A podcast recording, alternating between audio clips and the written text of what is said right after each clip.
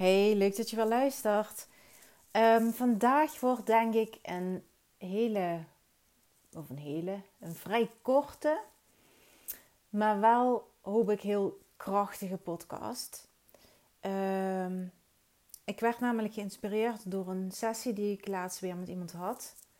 En um, die me ook wel heel veel aan mezelf deed denken.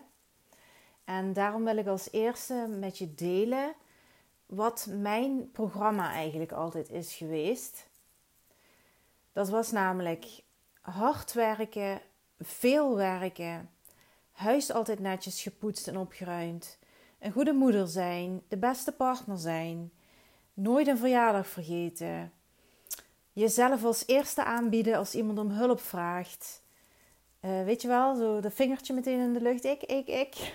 ik zeg het niet even zo, maar komt er wel op neer.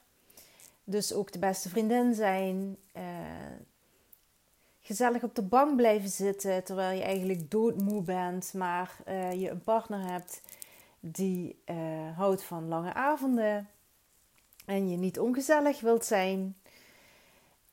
ik zag dit soort dingen vroeger eigenlijk altijd, daar ben ik heel eerlijk in, als een hele goede eigenschap. Ik vond het goed van mezelf dat ik altijd voor iedereen klaar stond. Dat ik super loyaal was. Uh, zelfs aan mensen die dat eigenlijk niet verdienden.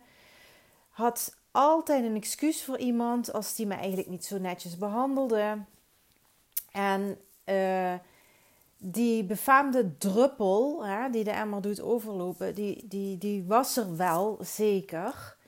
Uh, en bij mij was het ook eigenlijk altijd zo als die druppel er kwam, dan ging de deur ook wel echt dicht. Ehm, maar die emmer, die was heel groot. Dus het duurde eigenlijk wel veel te lang voordat ik aan de bel trekte. Oh, trekte, trok. ik weet het even niet. Maakt niet uit. Ehm, je weet wat ik bedoel. Ehm, en ik had bijvoorbeeld ook in uh, de profielschets van mijn cv uh, altijd loyaal en hoog verantwoordelijkheidsgevoel staan. Begrijp me niet verkeerd, dit zijn natuurlijk ook uh, mooie eigenschappen. Maar het probleem is dat als we erin doorslaan, dit onze valkuilen worden. Als we erin doorslaan, is het niet meer mooi. We verliezen onszelf dan in, in willen presteren, en dan komt het namelijk de grote waarom-vraag. Waarom doe je dat? Waarom wil je presteren? Waarom wil je de beste zijn? Waarom wil je de liefste zijn? Ik weet inmiddels uh, wat mijn waarom was en hoe dat komt dat dat mijn waarom was. Uh, en dat is voor iedereen anders. Hè? We maken allemaal dingen mee uh, in, in onze jeugd voornamelijk, waardoor wij bepaalde programmeringen hebben. Maar dit gedrag, uh, deze eigenschappen zijn bijna altijd terug te leiden tot eh, ja, iets wat er dus is gebeurd. En ehm, die waarom komt wel op hetzelfde neer. Als jij dit soort eigenschappen van jezelf herkent, komt dat in de kern eigenlijk wel op hetzelfde neer. En het kan best wel confronterend zijn. Deze waarom heb ik ook gespiegeld in die sessie aan mijn klant, die mij vertelde hoe hard ze werkte en altijd als eerste voor iedereen klaar stond en uh, hoe niet veel mensen zouden kunnen presteren wat zij allemaal deed. Hè. Ze was daar een, soort van, van trots op ook.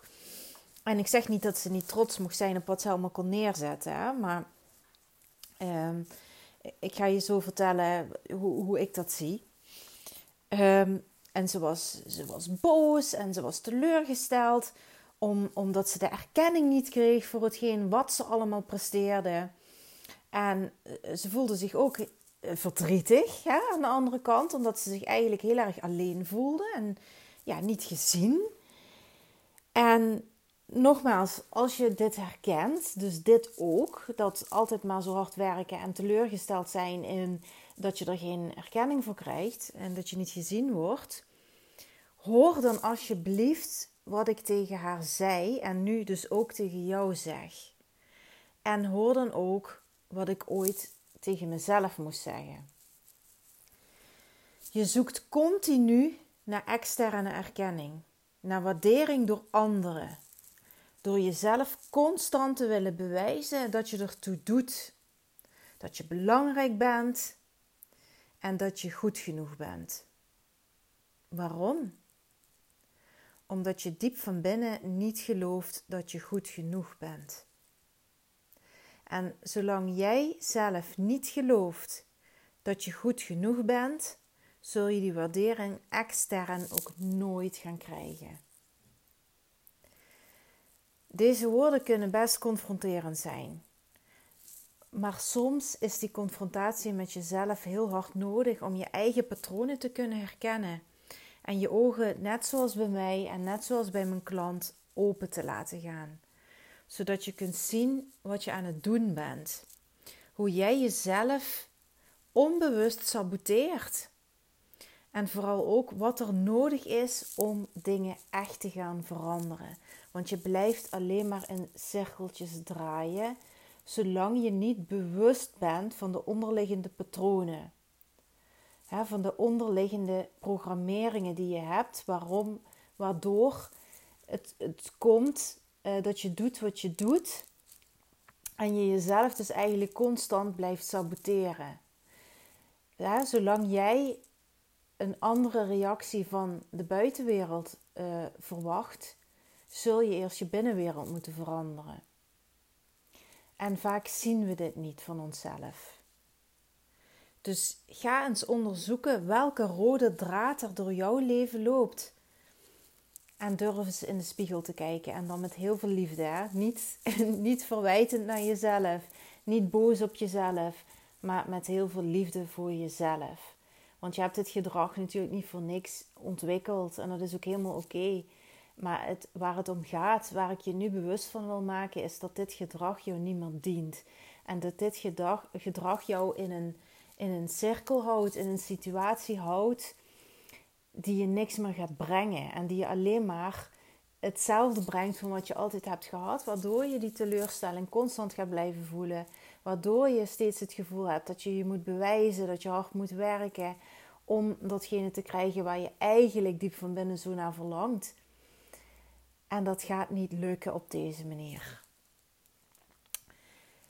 Ik zei al, kort maar krachtig. Ik hoop um, dat je er iets aan hebt gehad, dat je er iets in hebt herkend. Nou ja, goed, ik hoop niet dat je er iets in hebt herkend, want dan maak je het jezelf knap lastig soms.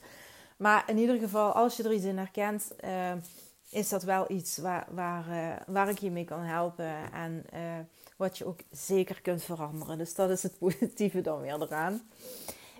Um, ik wil je nog een keertje meegeven dat ik aanstaande woensdag. Uh, en er is nog een andere datum, maar sowieso aanstaande woensdag weer mijn gratis masterclass geef. De drie must om te stoppen met geleefd te worden en zelf het uh, leven te creëren dat jij wilt. Dus heb je je herkend hierin, dan uh, meld je zeker aan.